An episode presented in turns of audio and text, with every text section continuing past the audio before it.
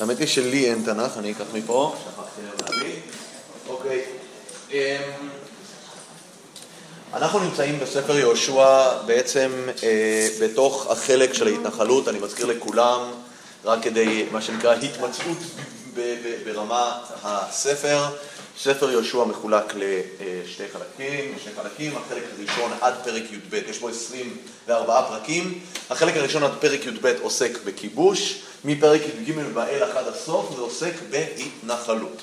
עכשיו, מטבע הדברים, ההתנחלות, אה, הרבה מהפרקים שלה הם פרקים שעוסקים, אה, פרקים שעוסקים בפרטים טכניים, רשימות ערים וגבולות, ולכן אנחנו נתמקד בכל מיני נושאי אה, ביניים שקשורים להתנחלות.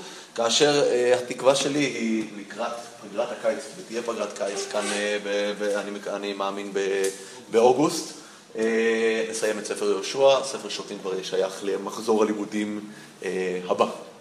אז uh, זה בעזרת השם התוכנית.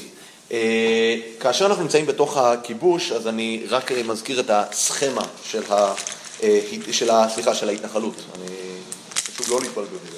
כיבוש סיימנו עד פרק י"ב, הסכמה של ההתנחלות היא עובדת כדלהלן. אמרנו, שבט יהודה ויוסף נוחלים ראשונה, כאשר שיעור שעבר אנחנו דיברנו על תפקידו של כלב כדמות שמייצגת את אה, תחילת ההתנחלות, הוא הראשון שמקבל נחלה בארץ כפי שהובטח לו על ידי משה אחרי חטא המרגלים. הוא אה, לא בכדי הדמות שלו נבחרה, הרחבנו בנושא הזה. דיברנו על המקום של יהודה ויוסף כשבטים מובילים בתחומם, שחלק מההובלה שלהם גם קשורה לנושא של ההתנחלות הראשונית שלהם.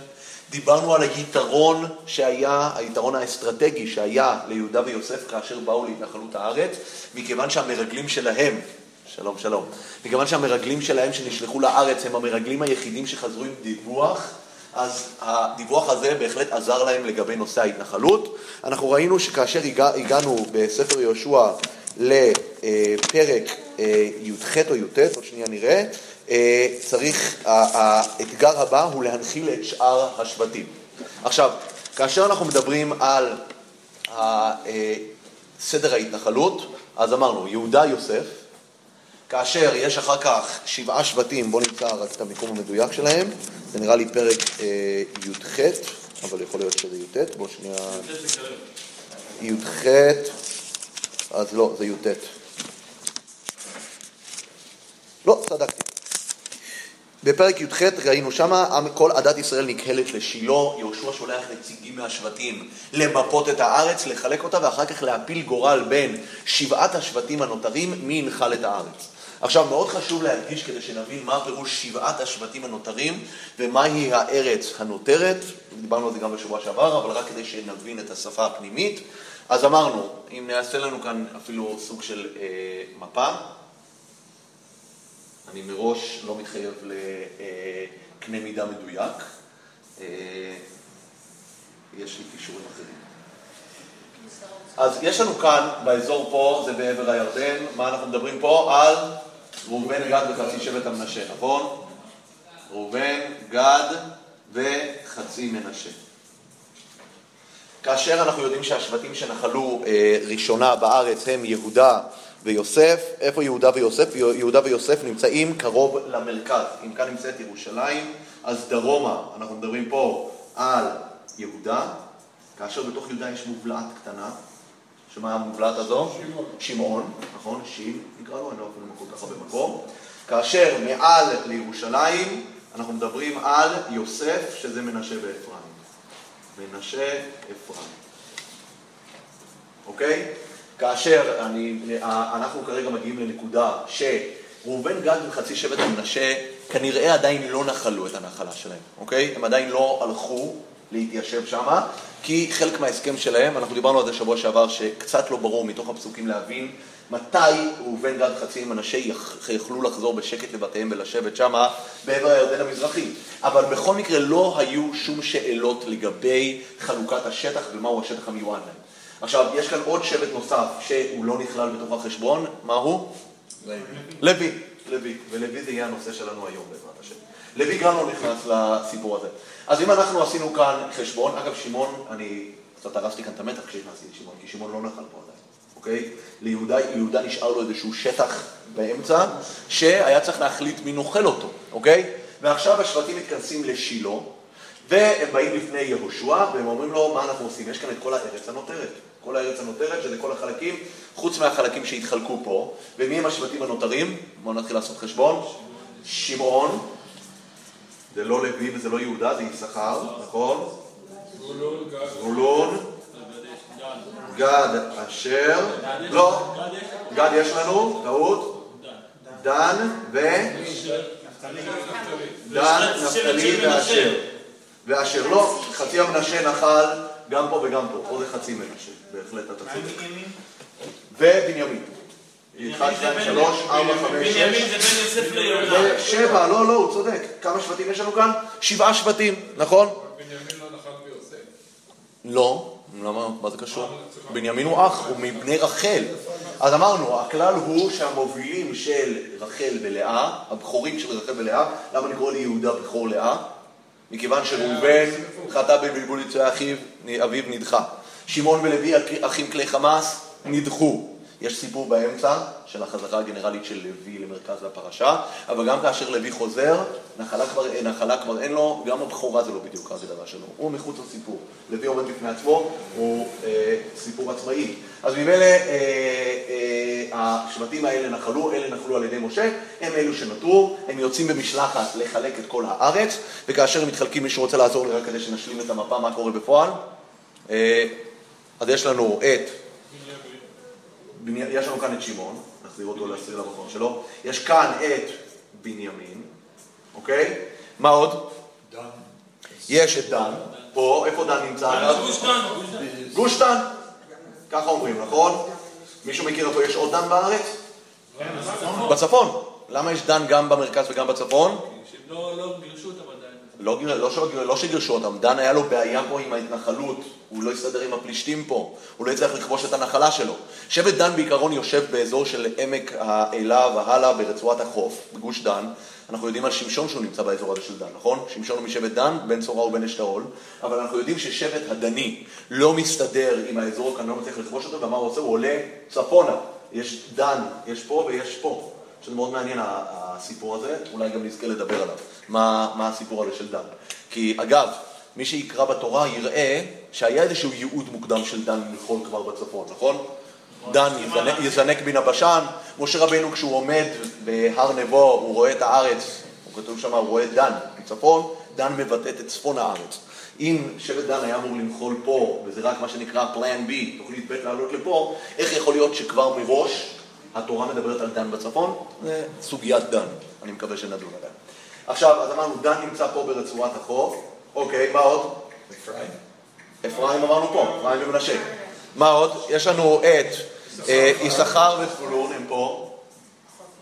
יששכר וזבולון, זבולון יושב כנראה על אזור גם חיפה. נפתלי ואשר. אוקיי? עכשיו סתם, אני לא יודע אם אני, אני לא הייתי בטוח אם אני רוצה לדבר על זה בכלל. בדרום יש? דרום יש את יהודה ושמעון. זה הכי נורא. זה הכי, זה הדבר שלי. עכשיו, האם מישהו כאן רואה איזשהו היגיון בחלוקה הזו, או שזה נראה רנדומלי לגמרי? אתם יודעים מה? בואו ניכנס לזה. לא תכננתי לעשות את זה היום, אבל זה קצת טכני, אני מראש מתנצל, אבל זה חשוב. אנחנו צריכים, אם נפתח את אה, ספר במדבר, אה, עוד שנייה נראה, כן, עוד שנייה נראה. יש כמה דגמים לגבי אה, מניין השבטים. אנחנו נראה את הדגמים. דיברנו על זה? נכון, נכון, אבל אני הייתי רוצה להראות לכם בפנים משהו מרתק. אה, בואו נפתח את ספר במדבר בהתחלה, יש מניין הרי בתחילתו, נכון? אז בואו נתחיל לעבור על הסדר של השבטים כפי שהם מופיעים בתחילת במדבר. אוקיי? אוקיי, בואו תעזרו לי. אני אפילו יהפוך כאן דף, עוד שנייה נחזור לדף הזה, אוקיי? מה הרשימה? ראובן, אנחנו נמצאים במדבר פרק א'. פרק א', פסוק אה, כ'. זה גם נמצא לפני כן אגב, כן? כן, זה דיברו על ה... אבל בסדר, בואו נראה פסוק כ'. ויהיו בני ראובן. אז יש לנו רשימה, זה הולך ככה. ראובן, מי עוד? שמעון, גד, גד. אוקיי. מי הבא בתור? יהודה, יהודה, יששכר, יששכר, זבולון, זבולון. הלאה, מי הבא בתור? אפרים, יוסף, יוסף, שיוסף זה לא שבט, מה זה? אפרים, מנשה ובנימין. והאחרונים, דן, ונפתלי. למה אני חילקתי את זה לארבע? נפתלי, מה כתבתי? נפתלי. אה, למה יש לנו כאן את ה... אה, למה חילקתי את זה לארבע? כי זה גם הדגלים. זה גם הדגלים. דן, אפרים, יהודה וראובן, דגל מחנה ראובן, דגל מחנה יהודה, דגל מחנה אפרים ודגל מחנה דן הם הדגלים המובילים. עכשיו, מה ההיגיון בחלוקה הזאתי? קודם כל, מי המוביל? יהודה, המוביל, אחד. מי, אה, כאשר הוא מוביל, מי לצפון? כל אחד הראשון, הוא ה... מה? הוא חזק, כל אחד אני שואל. בואו נראה, יש לנו את הדבר הזה. המוביל הוא יהודה. כאשר אנחנו אה, רוצים אה, לקחת את הדירוג השני אחריו, זה אמור להיות שתיים, נכון? נכון שניה נראה את זה? שלוש וארבע. אוקיי? זה הדירוג ביניהם. בואו אני אסביר עוד שנייה את הדירוג פה. הסדר הטבעי של החשיבות בין השבטים, ויש היררכיה של החשיבות, היה אמור להיות ראובן הראשון. אבל ראובן נדחה. שמעון גם נדחה, כמו שהסברנו. לוי גם נדחה. אז כיום הבכור של השבטים, שהוא הבכור של לאה גם, הוא גם הראשון בעצם, הוא המוביל, זה יהודה. למי, את מי ציפתו ליהודה? את כל אלה אחריו. זאת אומרת, יהודה מוביל את השבטים הלא דחויים, נקרא להם. בני לאה, נקרא להם בני לאה המקובלים, נקרא לזה, לצורך העניין, אוקיי? המקובלים, לא מלשון מקובלי צפת, אוקיי? המקובלים. אני מקווה שתבינו מה כתוב כאן. אוקיי? כאשר אנחנו עוברים לדבר הבא, מי זה? זה, יש את בני לאה הדחויים. שנייה אחת, בני לאה הדחויים. יש, יש את אפרים, אגב, סליחה, יש לי פה טעות, אני מתנצל. המובילים הבאים הם הבכורים של אה, רחל, כל בני רחל. זה בני רחל, בני רחל, כאשר אפרים הוא בכור רחל, נכון? כי מי הבכור של רחל? יוסף. מי הבכור מאפרים ומנשה? מנשה. אבל אפרים קיבל את הבכורה, הוא היה צעיר. כן? אז אפרים הוא המוביל, זה שתיים. אנחנו עוברים לשלוש. כאשר שלוש יש לנו את דחויי לאה. זאת אומרת, זה שבטים שהם לא בני שפחות, שהורדו ממדרגתם. זה ראובן ושמעון. למה גד נכנס לפה? כי גד הוא השבט שהוא שפחה של בלעם, לא? שפחת לאה, אני לא זוכר אם זה בלהה, שפחת לאה, בכור שפחת לאה הוא גד, אז ציוותו אותו לבני לאה הדחויים, נכון, נשאר מקום פנוי. כאשר הדבר האחרון, משה עושה את שאר השבטים, דן הוא בכור רחל, אוקיי? בכור שפחת רחל. בכור שפחת רחל, אז בעצם אם נעשה דבר כזה, בכור לאה, בכור רחל, כן? ראשון השבט הדחויים, ו... בכור, שפחת רחל, אוקיי? גם דן היה דחוי. דן? לא. כן, כתוב בני השפחות. לא, כל בני השפחות דחויים, אני לא. מסכים. אני אומר, כל בני השפחות דחויים, ולכן, אה, אני אומר, גד הוא האחרון פה, אין ספק, אוקיי? אבל זה בערך ההיררכיה, אוקיי? אתם רוצים שאני אעשה כאן אה, אה, רשימה מסודרת של ההיררכיה 1, 2, 3 עד 12? אפשר.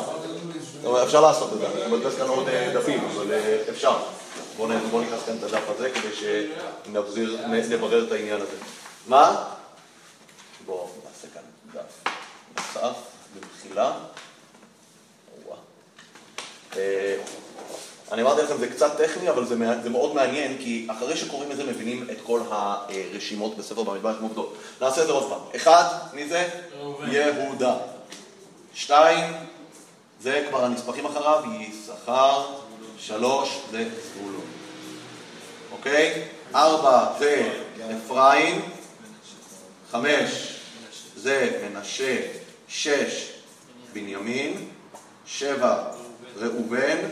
שמונה, שמעון. תשע זה גד.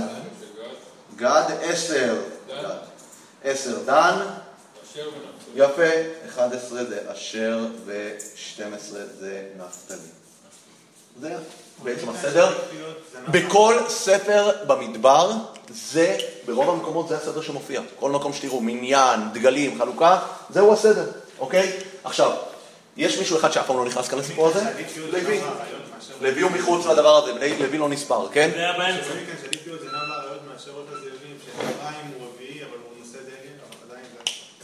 עכשיו...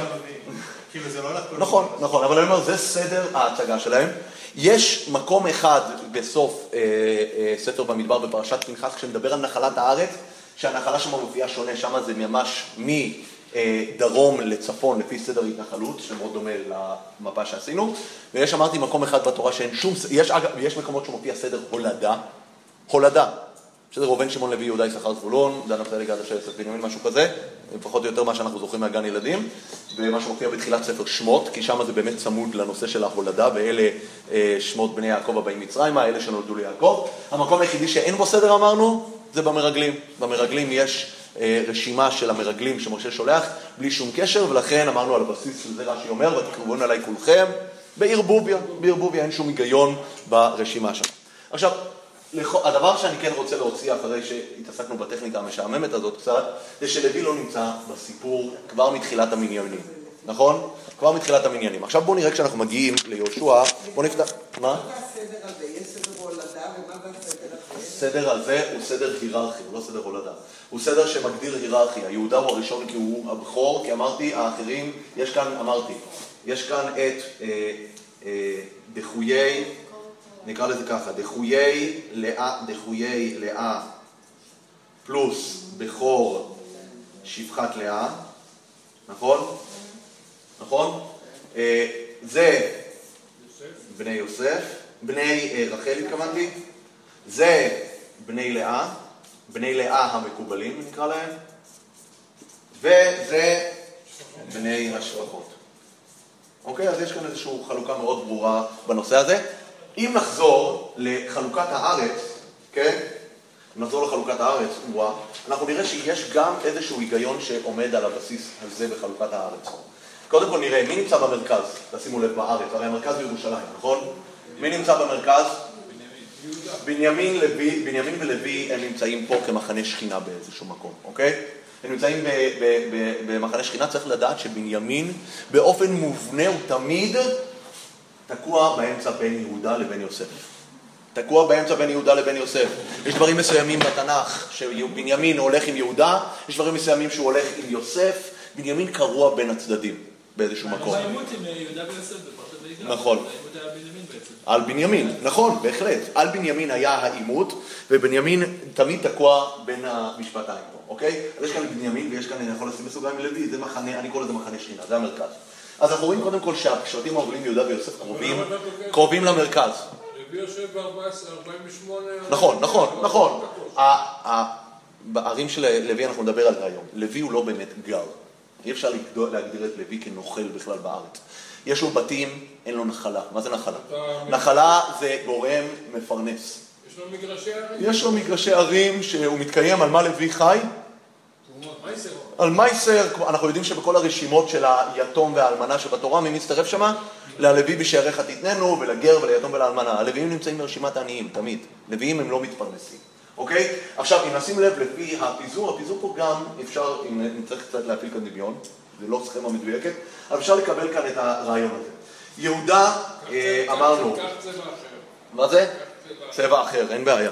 יש לנו כאן את, אה, יש כאן את יהודה, את יוסף, שהם המובילים והם נמצאים פה די אה, קרוב לאמצע, נכון? מי הם הלוויינים של יהודה שיותר קרובים למרכז? יששכר וזבולון, נכון? אז אם נשים לב, יהודה, יששכר וזבולון הם נמצאים כאשר יוסף, מנשה ואפרים ובנימין, הם כולם בעצם תופסים כאן את מרכז הארץ. השבטים המובילים, נכון? שלושת השבטים המובילים של לאה, שלושת השבטים, השבטים המובילים של רחל נמצאים פה במרכז הארץ. מי נדחה לפריפריות? תסתכלו, ראובן שמה. שמעון מקבל נחלה אה, בדרום למטה, שמוקפת מכל עבריה, כי זה ראובן ושמעון הם הדחויים. ואנחנו רואים כאן את הפריפריה שזה גד, מנשה, נפתלי, אשר, דן וכל בני השפחות. חצי המנשה, אני לא יודע כל כך איך להתייחס אליו. זאת אומרת, אני מתייחס אליו כאיזושהי נספחת של הנחלה המקורית של מנשה פה בארץ, אוקיי? אבל אנחנו רואים בהחלט ככל שאתה יותר רחוק בהיררכיה, הנחלה שלך הרבה יותר פריפריאלית, אוקיי? הרבה יותר פריפריאלית. נפתלי אשר אנחנו רואים הם הכי צפוניים, כולל דן. אנחנו רואים שגד נמצא בצדדים, אנחנו רואים את בני השפחות בהחלט נמצאים בצדדים. אנחנו רואים את הדחויים שנמצאים לא במרכז, שזה שמעון וראובן, ואנחנו רואים, ואנחנו רואים שככל שאתה מתקרב אה, למרכז, באמת בנימין נמצא הכי במרכז העניינים, אפשר להגיד, אבל חשוב להדגיש, ירושלים מתחלקת בין בנימין ליהודה, זאת אומרת בין בני רחל לבין לאה, ירושלים קיימת כחיץ בין רחל לבין לאה. ירושלים היא החיץ שבין רחל לבין לאה בסופו של דבר, אוקיי? נכון. אחר כך החלוקה של מלכות ישראל ומלכות יהודה תהיה גם על הבסיס של הדברים הללו, אוקיי? צפונה זה מלכות אה, ישראל ודרומה זה מלכות יהודה, אוקיי?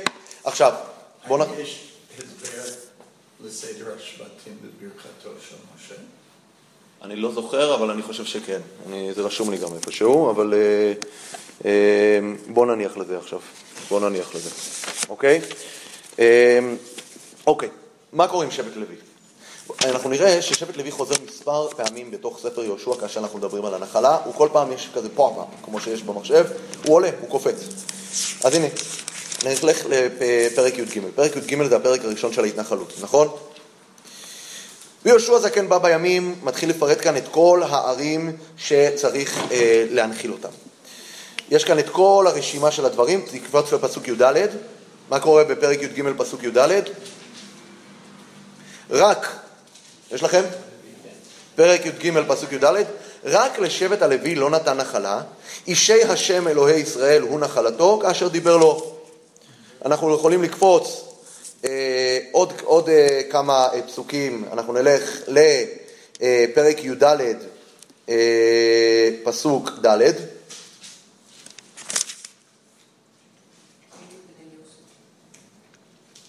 כן? יש לכם את זה? אלה אשר ניחל משה בערבות ירדן, ירדו, ירדן, סליחה, יש כאן, אה, סליחה, יש כאן, שני, טעיתי, יש פרק י"ג פסוק ל"ג. אלה אשר ניחל משה בערבות מואב מעבר לירדן יריחו מזרחה, שוב פעם, ולשבט הלוי לא נתן משה נחלה, השם אלוהי ישראל הוא נחלתם כאשר דיבר להם. אנחנו נעבור עוד אה, שלושה פסוקים קדימה. פסוק ג' וד' בפרק י"ד, נכון.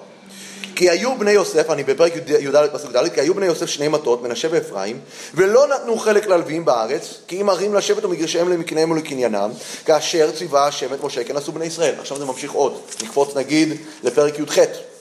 פרק י"ח, עד לפרק י"ח יש את התיאור של נחלת יהודה ויוסף, כמו שאמרנו, בפרק י"ח מתחיל, מתחיל נחלת שאר השבטים.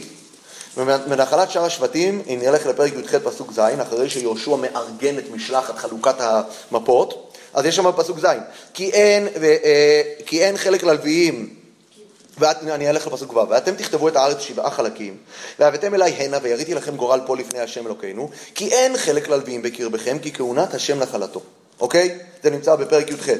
אם נקפוץ בסוף לפרק כ"א, שם אנחנו רואים שהסיפור כבר מגיע באמת למשהו קונקרטי, אחרי שמסתיים כל הנחלה, מסתיימת כל הנחלה. אגב, בואו, בואו, בוא, אני מצטער, מצטער שאני מתזז אתכם. בואו נלך לפרק י"ט, פסוק נ"א. יש כאן סיכום. אלה הנחלות אשר נחלו, נחלו אלעזר הכהן ויהושע בן נון וראשי האבות למטות בני ישראל בגורל בשילה לפני השם, פתח אוהל מועד, ויכלו מחלקת הארץ. נגמרה חלוקת הארץ. הפרק הבא, פסוק כ', עוסק בערי מקלט, והנה בפסוק כ"א מגיע הסיפור. ויגשו ראשי אבות הלוויים אל אלעזר הכהן וליהושע בן נון ולראשי אבות המטות לבני ישראל וידברו אליהם בשילה בארץ כנען לאמור השם ציווה ביד משה לתת לנו ערים לשבת ומגרשיהם לבהמתנו ויתנו בני ישראל הלוויים מנחלתם על פי, על פי השם את הערים האלה ואת מגרשיהם ויש כאן את כל הרשימה של ערי הלוויים מה הסיפור פה? אז קודם כל זה מאוד ברור שזה יושב על אותה משבצת כמו שרואים שמופיע גם במניינים וגם בנחלות ובדברים. שבט לוי תמיד מחכים איתו לסוף. למה? ממש מעניין החלוקה סוף, אין יפה, למה? נכון, למה? כי זה משהו שעומד כל הזמן ברקע ואני אגיד גם למה. יש באיזושהי נקודה, ואני היום קצת אגע בנושאים שיש להם גם נגיעה פוליטית. אני מראש אה, מתנצל. אבל כשהשם מדברים על שבט לוי, אה, אם מישהו מבין למה אני חותר, אני, יש איזושהי נגיעה תמיד בתחומים פוליטיים. יש איזשהו, סתם, באופן כללי, בתנ"ך אפשר לראות את זה בהרבה מקומות, איזושהי תפיסה שנחלה ניתנת על בסיס מלחמה. זאת אומרת, זכות הנחלה תלויה בהשתתפות בלחימה. כולם מכירים את הפסוק המפ- המפורסם, האחיכם יצאו למלחמה ואתם תשבו פה. כל ספר יהושע מדבר על הזיקה בין לחימה לבין נחלה. ראובן גד ומנשה שהם הולכים חלוצים, אז זו הטענה שהזכרתי, הלחימה מזכה אותך בנחלה. ותמיד עומד כאן ברקע. עומדת כאן ברקע השאלה, למה שבט לוי בכלל אמור לקבל נחלה? ולכן כל פעם שאנחנו אומרים ואנחנו עושים כאן אה, נחלה, אנחנו אומרים כן, רגע, רגע, רגע, מה עם לוי אבל? מה עם לוי? מה יהיה עם לוי? חכה, הפסוק אומר לנו חכה, עוד רגע, אוקיי? אנחנו דואגים להם, לוי יצטרך לחכות. דואגים כאן, תשימו לב, דואגים בהתחלה, נותנים רשימת הנחלות, לוי, תמתין רגע. מתחילים לחלק ליהודה ויוסף, ראינו את זה בפרק י"ד, לוי, תמתין רגע. מגיעים לפרק י"ח, כל אחד מהם זה פתיחת הפרק הבא בהתנחלות. מגיעים לפרק י"ח ומתחיל הפרק הבא שמה הוא? התנחלות שבעה שבטים הנותרים, לוי, תמתין. מגיעים לסיים את הכל, יש כבר פסוק חותם, אלה הנחלות אשר חילקו וכולי, פסוק חותם בומבסטי בסוף פרק י"ט. יש אפילו חיץ של הנושא של ערי מקלט, ואז ערי הלוויים יכולים לגשת, ראשי הלוויים יכולים לגשת ולהגיד, בסדר, סיימתם את חלוקת הארץ, עכשיו מגיע התור שלנו, כי אנחנו לא חלק מחלוקת הארץ. באותו מידה שאנחנו אלה שלא נמנים עם כולם, כי אצלנו זה משהו אחר תמיד. הרבה פעמים בתורה, כאשר מדברים על המניין של שבט לוי, שבט לוי, מניין שבט לוי מגיע אחרי פרשה שמפסיקה בנושא אחר. מפסיקה בנושא אחר. אנחנו יכולים לראות את זה גם בפרשת וארא, אנחנו יכולים לראות את זה בעוד מקומות. שבט לוי תמיד הוא כאילו אומרים, תשים לב, אני לא רוצה שתייחס אותו לשאר המניין, אני בכוונה כאמצעי ספרותי אפתח נושא, ואחר כך אני אחזור לטפל בלוי. וגם פה, נושא של ערי מקלט, אחר כך אנחנו חוזרים לטפל בלוי. עכשיו יש משהו מאוד משמעותי, אם נקרא בתוך שבט לוי את הביטויים פה. בפ- בפרק אה, כ"א, כן? וידברו אליהם בשילה בארץ כנען לאמור, אני קורא בפרק כ"א פסוק א', השם ציווה ביד משה לתת לנו ערים לשבת ומגרשיהן לבהמתנו, ויתנו בני ישראל ללוויים מנחלתם על פי השם. מה הכוונה? שבט לוי לא נוכל, הוא לא נוכל, אין לו זכות נחלה, למה? כי הוא לא צבא, הוא לא נלחם. אז איך הוא חי, איך הוא אמור לחיות? וזו הטענה של ראשי הלוויים, בני ישראל נותנים להם מנחלתם. באותו מידה שיש סוג של מעשר על אה, תבואה, על דברים כאלה, שזה מה שמחזיק את שבט לוי, יש גם מעשר שטח של 48 ערי הלוויים, שעם ישראל נותן ללוויים מנחלתם, אבל שבט לוי אין לו בכלל נחלה בארץ. זה לא נקרא נחלה, זה משהו שניתן להם, מה שנקרא, כמשהו מן הצד. עכשיו, מה הסיפור הזה של שבט לוי? וכאן אני רוצה קצת להתנתק מהטקסט וללכת קצת לעשות סקירה יותר גבוהה על הסיפור הזה של אה, שבט לוי. צריך לדעת קודם כל שאם אנחנו רוצים לדבר על שבט לוי, אנחנו צריכים להבין בכלל את המהות של תפיסת הכהונה והעבדות שהתחילה עוד במצרים. שהתחילה עוד במצרים. כאשר אנחנו, אה, אה, אנחנו יודעים, יש פסוקים בתורה, לא יהיה לכהנים הלוויים כל שבט לוי חלק בנחלה, נחלה לא יהיה לו וכולי, אנחנו יודעים שהם מוזהרים, הרמב"ם גם כותב את זה, לא להילחם ולא לנחום, אוקיי? אה, אז מה, מה, מה קורה פה? אז אם נחזור לסיפור של יוסף, יוסף נמצא בסוף פרשת ויגש, יוסף עושה מהפכה אגררית ענקית במצרים. מה יוסף עושה? אחרי שיש את שבע שנות השובע, ואחרי שהחלום שלו מצליח ליצור תוכנית כלכלית מדהימה, שתציל את מצרים, לא רק את מצרים, את כל אזור הסהר הפורה, אגן הסהר הפורה, אז יוסף, אה, הכלכלה המצרית תלויה לגמרי בחסדו של יוסף, ומה יוסף עושה? הוא עושה מהפכה, הוא קונה את כל הקרקעות, והוא קונה את כל העם המצרי לעבדים, והוא נותן להם בחזרה את הכל בסוג של עריסות, כאשר הם צריכים לתת חמישית. מה? גם מפזר אותם, בוודאי, מפזר אותם, גורם להם לנתק קשר ספציפי עם הקרקע שלהם, בהחלט אתה צודק, וזו נקודה משמעותית. ובסופו של דבר יש קבוצה, קבוצת אוכלוסייה אחת, בעצם שתי קבוצות שבהן יוסף לא נוגע. כמרים. הכמרים ו... והכהנים. הכמרים והכהנים זה אותו דבר, אני אומר, אבל גם אחר כך בני ישראל, בני ישראל שישבו שם, הם. יש להם בגושן את הנחלה שלהם, הם, יש להם את הדבר הזה. אגב, לא מן הנמנע שהמהלך הזה לכשעצמו יצר גם הרבה אנטיגוניזם, ויצר, אה, כן, יצר סוג- של אנטיגוניזם ואנטישמיות, אם נקרא לזה האנטישמיות המודרנית, כלפי הקבוצה של החבר'ה עם הפריבילגיות האלה. ואם נשים לב, אחד המהלכים הגדולים שקורים אחרי שקם מלך חדש שלא ידע את יוסף, יש כאן הרי, כתוב שמצרים נקראת בית עבדים. אנחנו תמיד מבינים בית עבדים, הכוונה עם ישראל. מצרים הייתה בית עבדים כולם. כל אזרח מצרי היה עבד, יוסף הפך אותם לעבדים. עם ישראל, באותה תקופה, כאשר רצו למחוק את מורשת יוסף, כאשר רצו קצת, אה, אה, מה שנקרא, לתקן את מה שהיה מעוות ביניהם, שיש כאן קבוצה פריבילגית שאינה שותפה בעבדות הזו, אז גם אותם צירפו לעבדות. התעללו בהם גם הרבה, אין ספק, אבל בסופו של דבר הרעיון היה למחוק את הפריבילגיות של משפחת יוסף. ולכן הפכו אותם גם למשפחת עבדים. כאשר אנחנו מדברים על מצרים כבית עבדים, יש כאן משהו מהותי תרבותי שנוגע לכל החברה המצרית, שכאשר אנחנו מדברים על עם ישראל, שהוא הולך נגד הערכים, זה נגד ערכים, ערכי העבדות, זה לא ערכי העבדות שהוא ספג, אלא כל החברה. ויש כאן חברה שתשימו לב דבר אחד, לאף אחד מהחברה אין בעלות על קרקע. כל החברה הם עבדים של המדינה, זו מדינה טוטל- טוטליטרית. הכהנים הם היחידים שיש להם קרקעות יציבות, הם מקבלים גם החזקה מהעם, ולהם יש את היציבות והם לא אה, עבדים, וזה המצב של אה, מצרים. כאשר אנחנו רוצים לבוא ולעשות את התיקון, אנחנו עכשיו הולכים, עם ישראל יוצא ממצרים ואנחנו רוצים לעשות איזשהו תיקון ואיזושהי הבלטה, מה המקום של הממסד הדתי הרוחני בתוך אה, עם.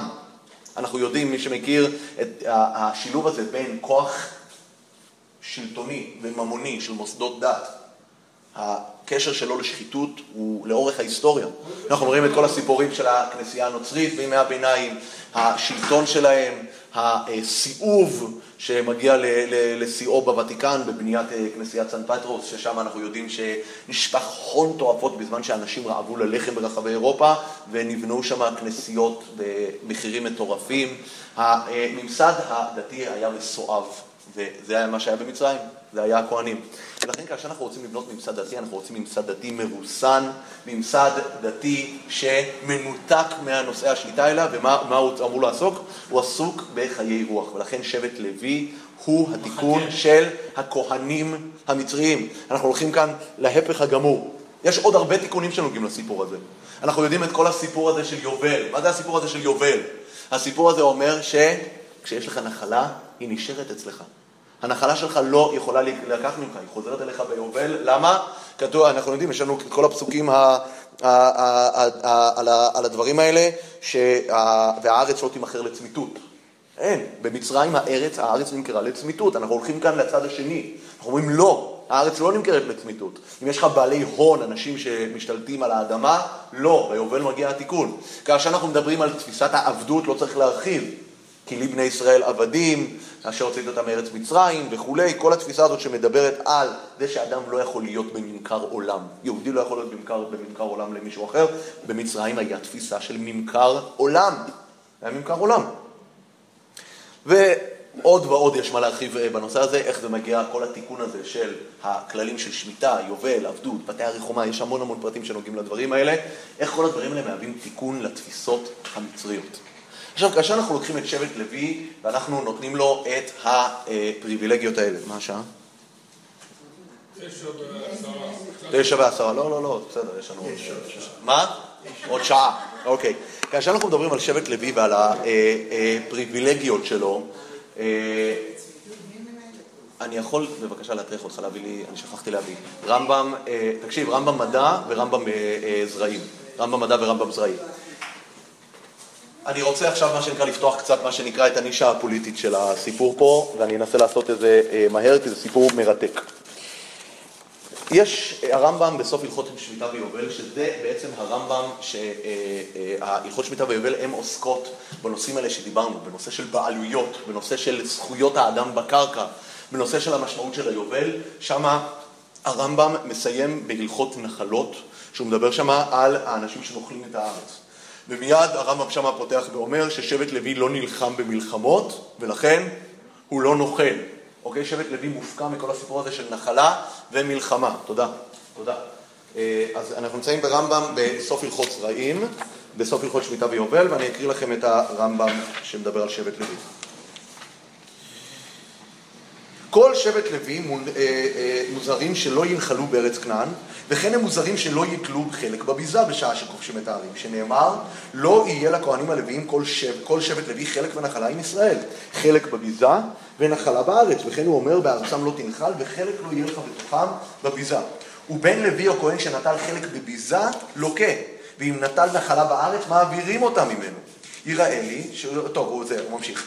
ולמה לא זכה לוי בנחלת ארץ ישראל ובביזתה עם אחיו? מפני שהובדל לעבוד את השם לשרתו ולאורות דרכיו הישרים ומשפטיו הצדיקים לרבים. לפיכ... שנאמר יראו משפטיך ליעקב ותורתך לישראל. לפיכך הובדלו מדרכי העולם, לא עורכים מלחמה כשאר ישראל, ולא נוחלים, ולא זוכים לעצמם בכוח גופם. הרמב"ם מדגיש, תפיסת נחלה זה אומר, אני כבשתי, זה שלי. לוי לא חי בתפיסה כזאת. אין לו תפיסות של בעלות בכלל, הוא מופקע משפה של בעלות. אלא הם חיל השם. שימו לב למשחק של הרמב"ם כאן. הם לא חיילים בצבא פיזי, הם חיל השם.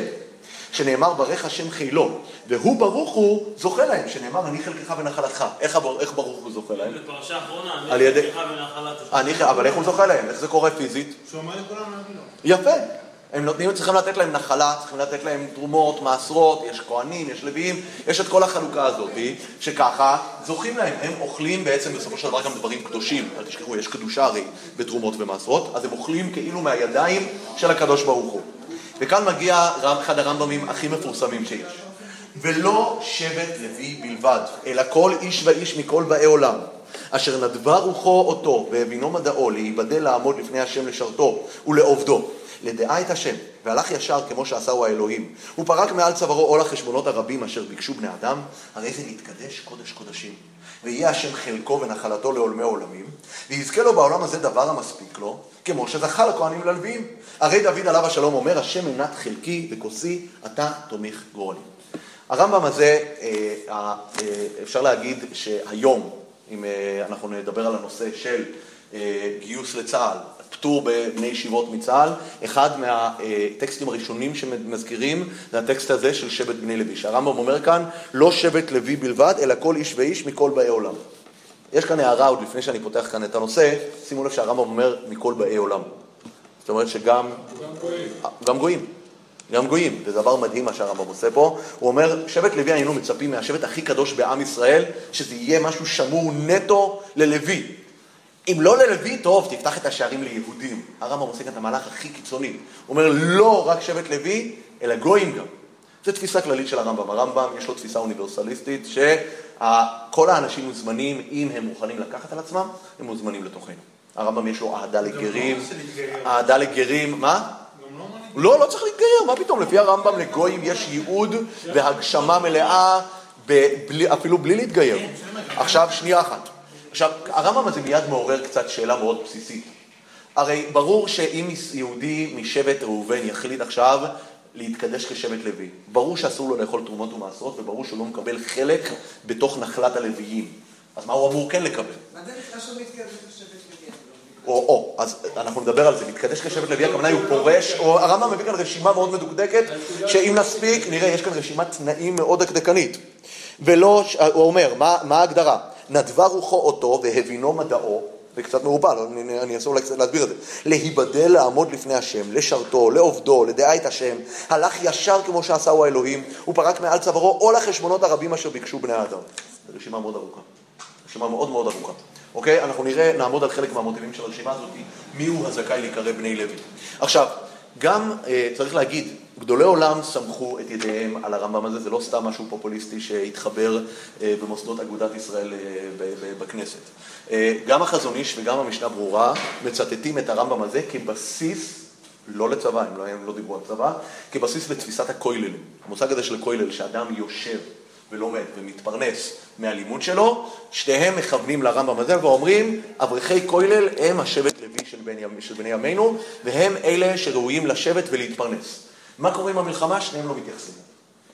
נעשה איזשהו, בהמשך, אגב, לזה לא מצאתי שום, מוס, אה, מה שנקרא טקסט רבני, אני חקרתי את הנושא הזה. טקסט רבני שאומר שאנחנו עושים את הקפיצה הבאה להגיד שמי שלומד תורה פטור מהצבא, אף אחד לא עשה את זה. החזון איש והמשנה ברורה, שזה אנשים עם כתפיים גדולות, מדובר כאן על, על פוסקים, פוסקים, מהפוסקים החשובים ביותר אה, במאה ה-20, הם אומרים שלסמוך על הסיפור הזה של להתפרנס מתלמוד תורה, אפשר לסמוך על הרמב"ם הזה. עכשיו על הדבר הזה יש כמה וכמה שאלות מאוד מאוד קשות. קודם כל, הרמב"ם באופן עקבי בהמון המון מקומות מדבר נגד להתפרנסות מלימוד תורה. הוא אומר אה, בהלכות אה, דעות, הרמב"ם, אחד מהרמב"ם המפורסמים, אני יכול להגיד לכם, יצא לי ללמוד רמב"מים, זה אחד הרמב"מים הכי נחרצים שאני פגשתי בחיים שלי. איך שהוא ככה. הוא אומר, כל המשים על ליבו שיעסוק בתורה ולא יעשה מלאכה ויתפרנס מן הצדקה, הרי זה חילל את השם, הוא ביזה את התורה, וחיבה מאור הדת, וגרם רעה לעצמו ונטל חייו מן העולם הבא. כמה קללות? חמש קללות, אוקיי? שנייה, מיד, מיד, שנייה, שנייה. מיד קופץ, אה, קופצים פה אה, הרדב"ז, הוא שואל סתירה. הרי כתוב בכאן שמי שרוצה להיות כמו שבט לוי יכול, אומר הרדב"ז, מה פתאום? כתוב שם שאם הוא רוצה להיות כמו שבט לוי ולסמוך על הקדוש ברוך הוא, שיספק לו, כמו שהוא מסיים, מסיים שם, הרי זה נתקדש קודש קודשים, ויהיה השם חלקו מנחלתו לעולם ולעולמי עולמים, ויזכה לו בעולם הזה דבר המספיק לו. מה זה יזכה לו בעולם הזה דבר המספיק לו? אומר הרדב"ז, לא שמותר לו לקחת צדקה, חס ושלום. הרמב"ם פוסק שאסור לך ללמוד תורה ולקחת צדקה, אלא אתה צריך לסמוך על זה שהשם ידאג לך. איך? אנחנו לא צריכים לפרנס אותך. אתה... מה? שנייה, שנייה, שנייה, אני מגיע. הרבה ניסו ליישב את המשנה ברורה והחזון איש והם רצו להגיד, תשמע, אתה יודע איך מיישבים את הסתירה הזאת? הרמב"ם, כשהוא אומר שלא להתפרנס מן הלימוד, הוא דיבר לכלל העם. ויש אגב מקורות תומכים בזה שיש חלוקה בין המון לבין יחידים. אנחנו יודעים, הנפש החיים כותב, שכתוב בפרשה הראשונה של שמע, ואהבת את השם אלוקיך בכל לבבך ובכל נפשך ובכל מאודיך. מה זה בכל מאודיך? אפילו נותן את ממונך, זאת אומרת שבן אדם צריך לאהוב את השם ולהתמסר לעבודת השם אפילו על חשבון כספי. מצד שני בפרשה השנייה, והיה אם שמוע תשמעו אל מצוותיי, כתוב לאהבה את השם ולעובדו בכל לבבכם ובכל נפשכם ובכל מאודכם? לא כתוב בכל מאודכם. אומר הנפש החיים, למה לא כתוב בכל מאודכם? כי תשימו לב, ואהבת זה כתוב בלשון יחיד. והיה אם שמוע כתוב בלשון רבים. הרבים לא יכולים לשים בצד את נושא הפרנסה, יחידים יכולים להחליט באופן אינדיבידואלי ללכת ולפרוץ לשם. גם הגמרא מדברת על הנוסחה הזאת של חילוק בין יחידים לרבים, כאשר כתוב שרבי שמעון בר יוחאי אומר שמי שזורע בשעת זריעה וקוצר בשעת קצירה וכולי, תורה מטעה עליה, אלא אדם לומד תורה וידאגו לו לפרנסה מן השמיים, ומה, מי חולק עליו שמה? רבי ישמעאל, ורבי ישמעאל אומר לו, מה פתאום, מנהג בהם מנהג דרך ארץ, פוסקת הגמרא, רבים עשו כרבי ישמעאל ועלתה בידם, מעטים, ועשו, רבים עשו כרשם ברוך היא לא עלתה בידם. אז גם מזה נפש החיים מתקדם עם הנושא הזה, ואומר, יש כאן פסק הלכה שאומר, לרבים אסור להניח בצד את ענייני העולם הזה, את הפרנסה וללמוד תורה. יחידים באופן אינדיבידואלי, עצמאי, אנשים שיש להם איזשהו מהלך רוחני של התקרבות להשם, יכולים לעשות את זה. אבל מה נעשה שהרמב"ם הולך קיצוני בנושא הזה? כי אותה הלכה ברמב"ם, ואני אגב ראיתי את זה כתוב בהרבה מקומות, את המהלך הזה. כי הרמב"ם ממשיך שם הלכה אחת אחר כך. מעלה גדולה היא למי שהוא מתפרנס ממעשה ידיו, ומידת חסידים הראשונים היא. ובזה זוכה לכל כבוד וטובה שבעולם הזה ולעולם הבא, שנאמר, יגיע כפיך כי תאכל אשריך וטוב לך, אשריך בעולם הזה וטוב לך לעולם הבא. על מי הרמב"ם מדבר כאן חסידים הראשונים? כולנו יודעים. על כל התנאים והמוראים שאנחנו יודעים שהתפרנסו. אז אם הרמב"ם חושב שליחידים מותר לעשות את זה, אז מי הוא מדבר פה על מעלה גדולה היא לחסידים הראשונים? אז אנחנו רואים שהרמב"ם בנושא הזה אין לו הנחות. אפילו יחידים לא יכולים להרשות לעצמם להתפרנס. אגב, שבוע שעבר ראיתי דבר מדהים בשו"ת הרמב"ם, פתאום זה צץ לי ככה.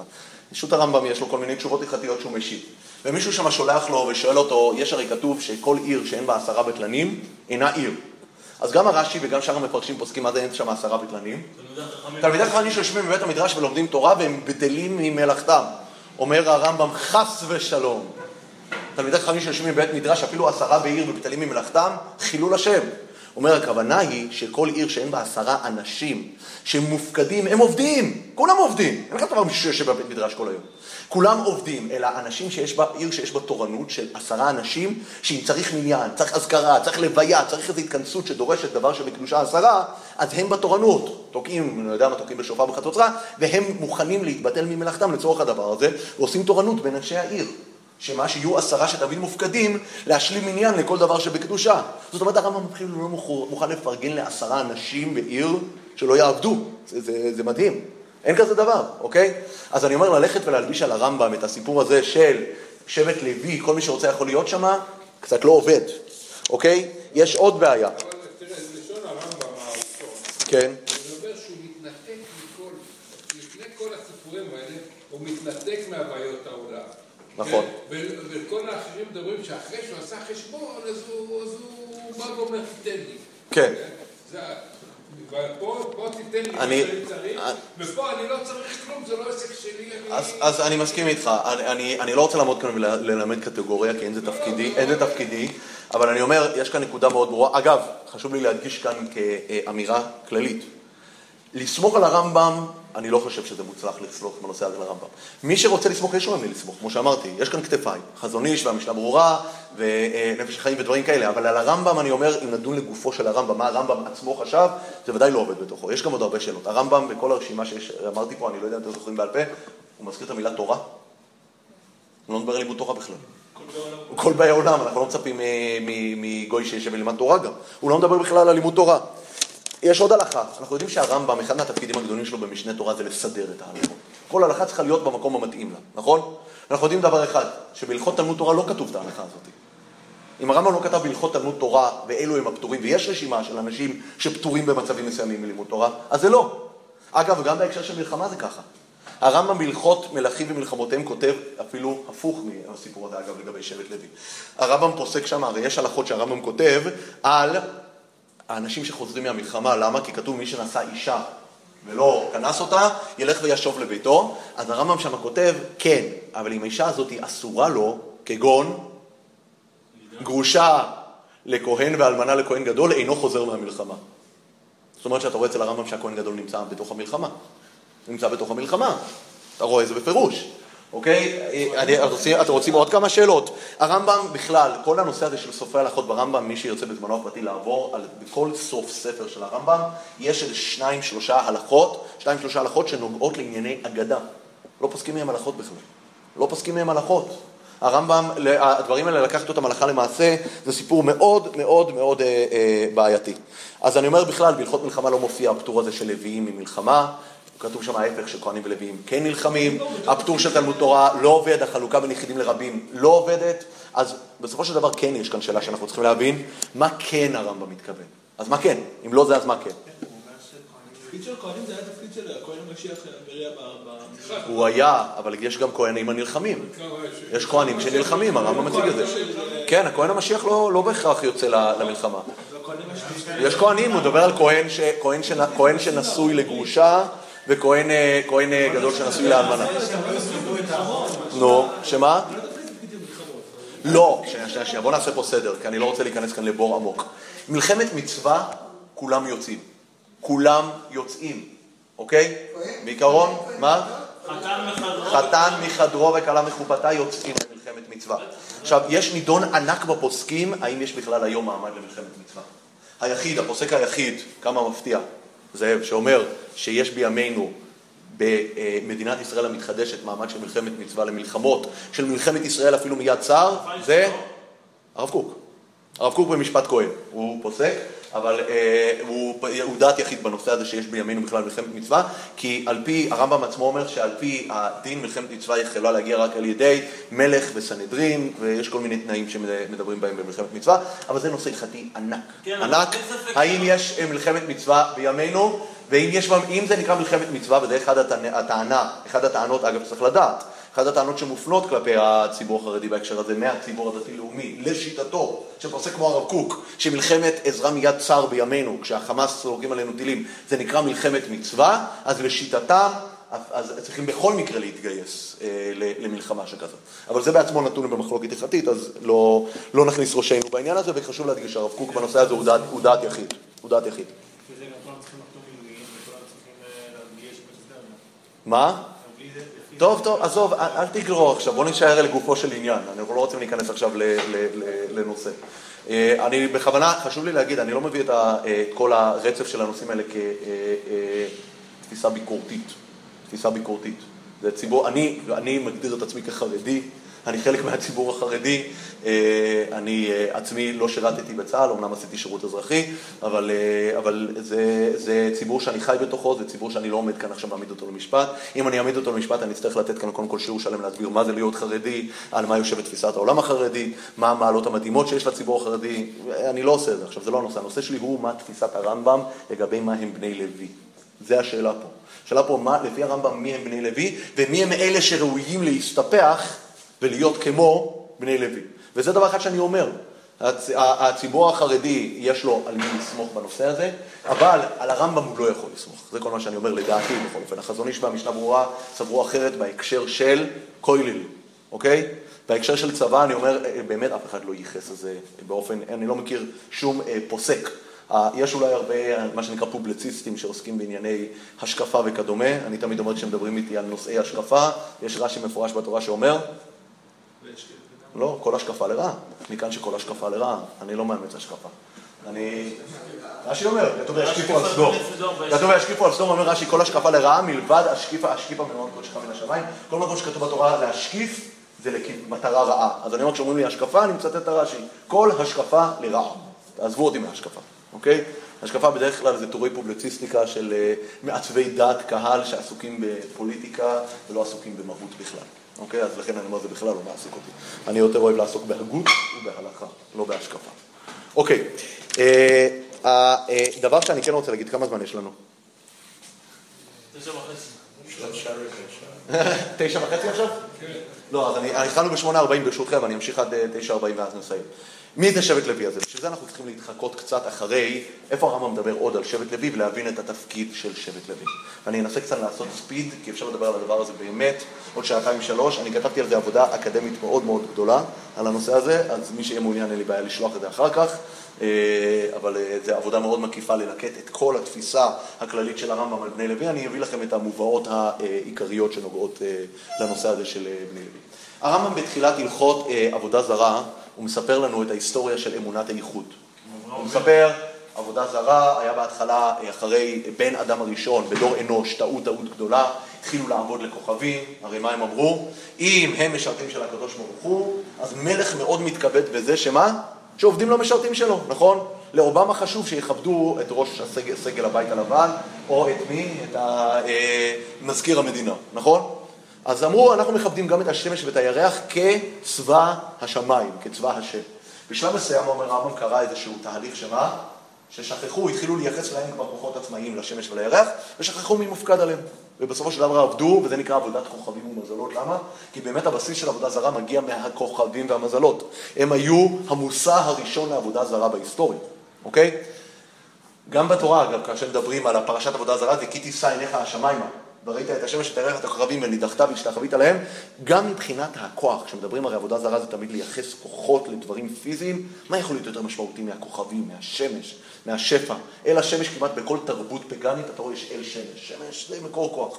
מגיע אברהם אבינו ועושה מהפכה אדירה ומלמד, את ה, מעביר את המסר המונותאיסטי, שמה? שיש בורא לעולם. הרמב"ם בפרק ראשון של עבודה זרה, שזה רמב"ם שהוא בעצם שיעור בהיסטוריה של האמונה שלנו, מתאר איך אברהם אבינו יוצא ועושה מהפכה ומתחיל לשכנע אנשים. אגב, עד גיל 40 אברהם אבינו גם עובד עבודה זרה, ולכן כשתגיעו פעם הבאה בליל הסדר ותגידו מתחילה עובדי עבודה זרה היו אבותינו, אל תחשבו יותר, תחשבו על אברהם. אברהם היה עובד עבודה זרה. אברהם הוא הבעל תשובה הראשון, אוקיי? וקיבלו את הילדים שלו למוסדות לימוד. בכל מקרה, אז הוא היה בעל תשובה, והוא... כן, בהחלט. אנחנו הולכים פה על כל הקופה עכשיו בהקשר הזה. עכשיו, גם, היו חב"דניקים. גם יצא להפצה, בהחלט. אז אה, אברהם אבינו מעביר את התפקיד של הנושאי הלפיד הזה בנושא של אמונת הייחוד, אמונה שיש אל אחד, מעביר את זה ליצחק. יצחק מעביר את זה ליעקב. בדרך נושרים כמה חבר'ה באמצע שלא שיתפו פעולה עם המהפכה הזאת. ישמעאל, עשיו, בסופו של דבר יעקב יש לו 12 שבטים. מי נושא הלפיד הבא? וכאן הרמב"ם אומר בתחילת הלכות עבודה זרה, ש... אני הולך לפרק א', יעקב אבינו לוקח את שבט לוי וממנה אותו לאחראי על הדבר הזה. ויעקב אבינו לימד בניו כולם והבדיל לוי ומינהו ראש והושיבו בישיבה ללמד דרך השם ולשמור מצוות אברהם. אוקיי? זאת אומרת, שבט לוי הוא זה שמופקד על להעביר את המסר הזה של אמונה באל צריך שמישהו יהיה נושא הלפיד.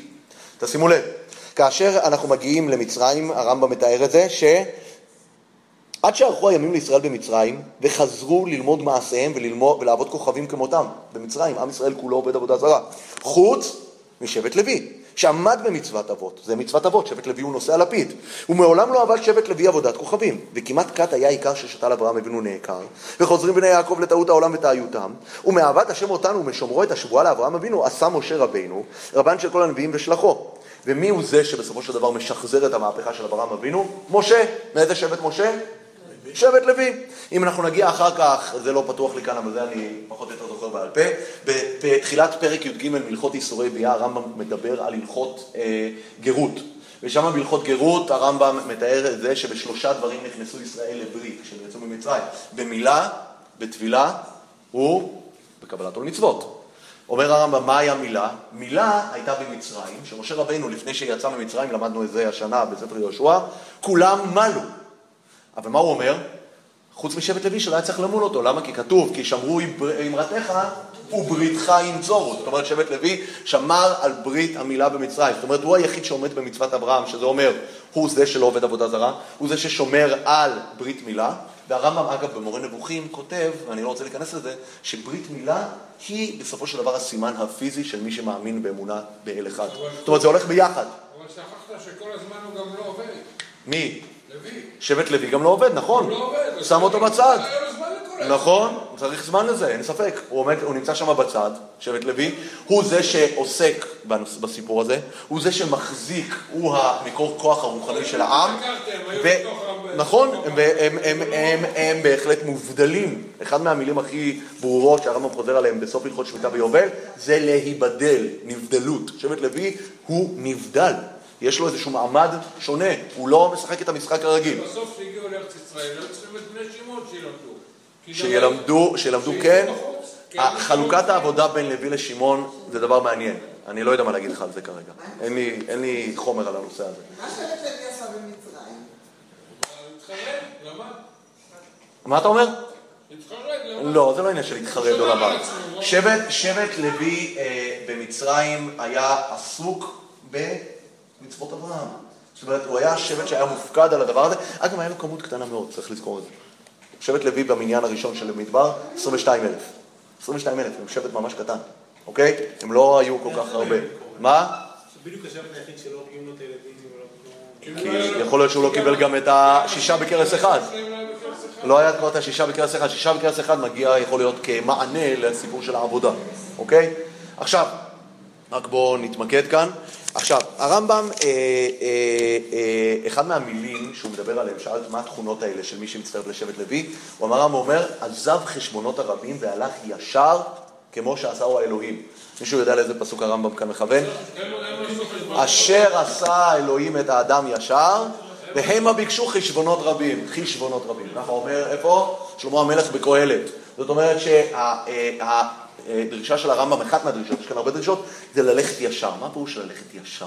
מה זה ללכת ישר? אז הרמב"ם, אני לא יודע, אתם מכירים את זה, יש לרמב"ם תפיסה של איזון המידות. אתם יודעים על מה אני מדבר? הרמב"ם אומר שהמידה הנכונה היא לא להיות כועס מדי, אבל גם לא להיות פסון מדי. להיות מאוזן. זה תפיסת שביל הזהב. הרמב"ם אגב לא קורא לזה שביל הזהב, זה מישהו הדביק את זה אחר כך לרמב"ם. אבל תפיסת שביל הזהב בכל אחד מהמידות למצוא את האיזון. הרמב"ם אומר, האיזון הזה, הרמב"ם חוזר על זה חמש פעמים בתחילת הלכות דעות, האיזון הוא הישרות. הישרות היא האיזון. ומה זה הרעיון הזה של איזון? הבן אדם נמצא במצב שלב ורגוע, הוא לא יותר מדי עף לשום כיוון. איזשהו סוג של שלווה סטואית שהבן אדם אה, נמצא בה. הרעיון הוא איזון במידות, איזון במידות לפי הרמב"ם זה המייצג של מוסריות. מוסריות אומר שאתה לא, ח, ח, מה שנקרא, בעל חמאה יותר מדי על מישהו, אתה גם לא ותרן מדי, אתה יודע לנהל את חייך בתבונה ובאיזון, זה המוסריות האמיתית לפי הרמב"ם, אוקיי? צריך לזכור, המוסריות זה לא לתת את הלחי השנייה. הרמב"ם ממש לא ככה. במקום שצריך להכות חזק וכואב גם יעשו את זה. הרעיון הוא לדעת לעשות בכל מקום את המידה והמינון הנכון של התגובה. האיזון, זה מילת הקסם של הרמב"ם, זו תפיסה אריסטוטלית אגב, של איזון המידות. אז לפי הרמב"ם יש שתי נושאים שבהם שבט לוי מתייחד, ואגב, הרמב"ם עצמו כאשר הוא מדבר כאן על שבט לוי בהלכות עבודה זרה, שציטטתי, הוא מזכיר את שני הדברים האלה. הוא אומר ששבט לוי מופקד על, אה, על ייחוד השם, והוא אומר שהוא מופקד גם על דרך השם. אתם יודעים מה זה דרך השם לפי הרמב"ם? הרמב"ם כותב בהלכות דעות, דרך השם זה הישרות. יש שתי נושאים שהרמב"ם מזהה אותם בספר בראשית, מהי המורשת של האבות, של אברהם אבינו.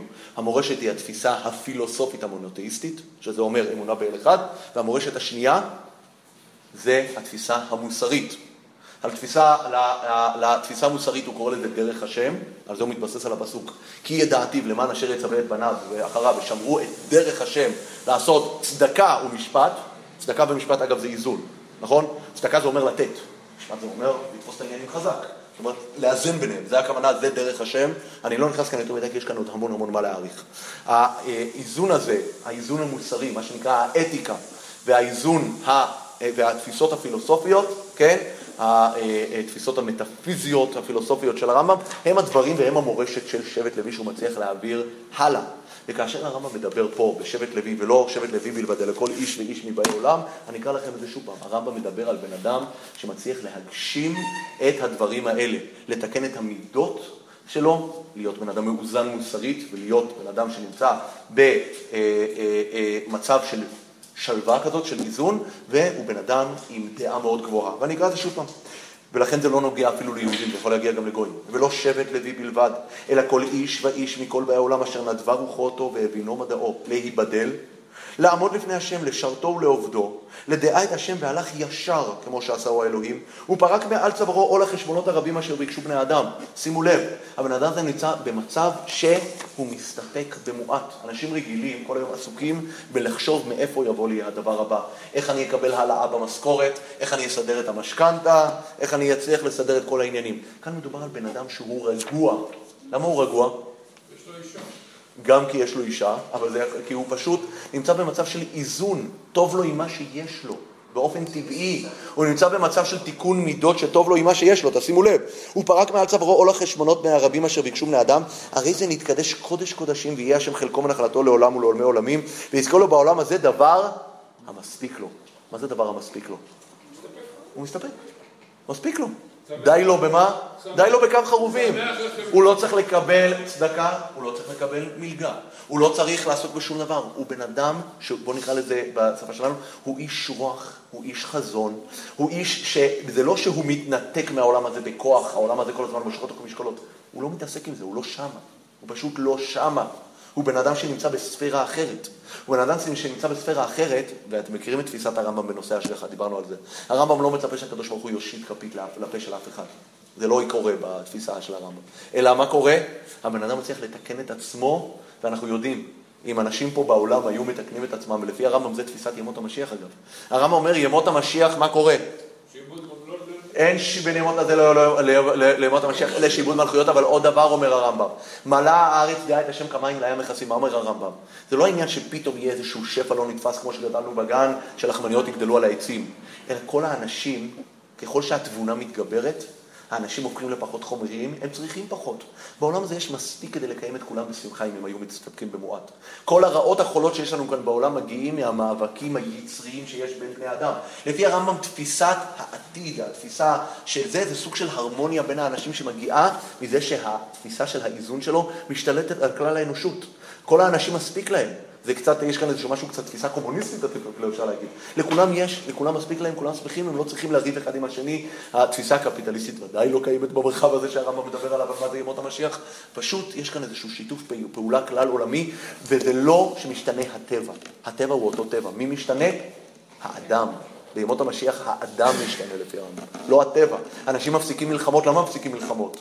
לא בגלל שיש הוקוס פוקוס, כי אנשים לומדים לכבד אחד את השני. אנשים לומדים שהמלחמות האלה על טריטוריה הן מלחמות שרובן יושבות על בסיס לא הגיוני, לא סביר. אנחנו יושבים ורואים אפגנים והודים רבים, אנחנו לא מבינים מה ההבדל, ביניהם. זה יושב על סיפורים היסטוריים ותיקים שאין להם שום בסיס. האנושות תגיע לסוג של שלווה סטואית, מאוזנת, זה ימות המשיח לפי הרמב"ם. זה תלוי במי? זה תלוי באדם. כשהאדם יתקן את עצמו, כשהוא יגיע למצב של תיקון המידות ותיקון השכל שלו, יהיה כאן גם ימות המשיח, ולפי הרמב"ם, מה זה להיות שבט לוי? זאת אומרת, יש אנשים שיכולים לחיות בימות המשיח גם פה. הם שגרירות של ימות המשיח פה בעולם הזה. למה? כי הם צריכים להגיע למצב כזה, שנוח להם. ונפשי כעפר לכל תהיה, מספיק לי, נוח לי, טוב לי, שום דבר לא מפריע לי. ככה, זה התפיסה של מה זה שבט לוי, ככה שבט לוי צריכים להיות, וככה מי שרוצה להצטרף לשבט לוי, מכל באי עולם, לא קשור לנושא של לימוד תורה, לא קשור לדברים האלה. האנשים האלה לא נלחמים ולא עובדים, לא בגלל שהם בוחרים לא לעבוד ולא להילחם, אלא הם נמצאים במקום שהם הרבה מעבר לדברים האלה. תודה.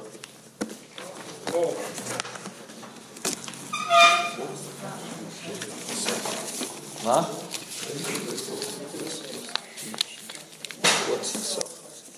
זה זיסוכר, זה שמעון, I don't know, I don't know, אני באמת לא יודע להגיד. אוקיי.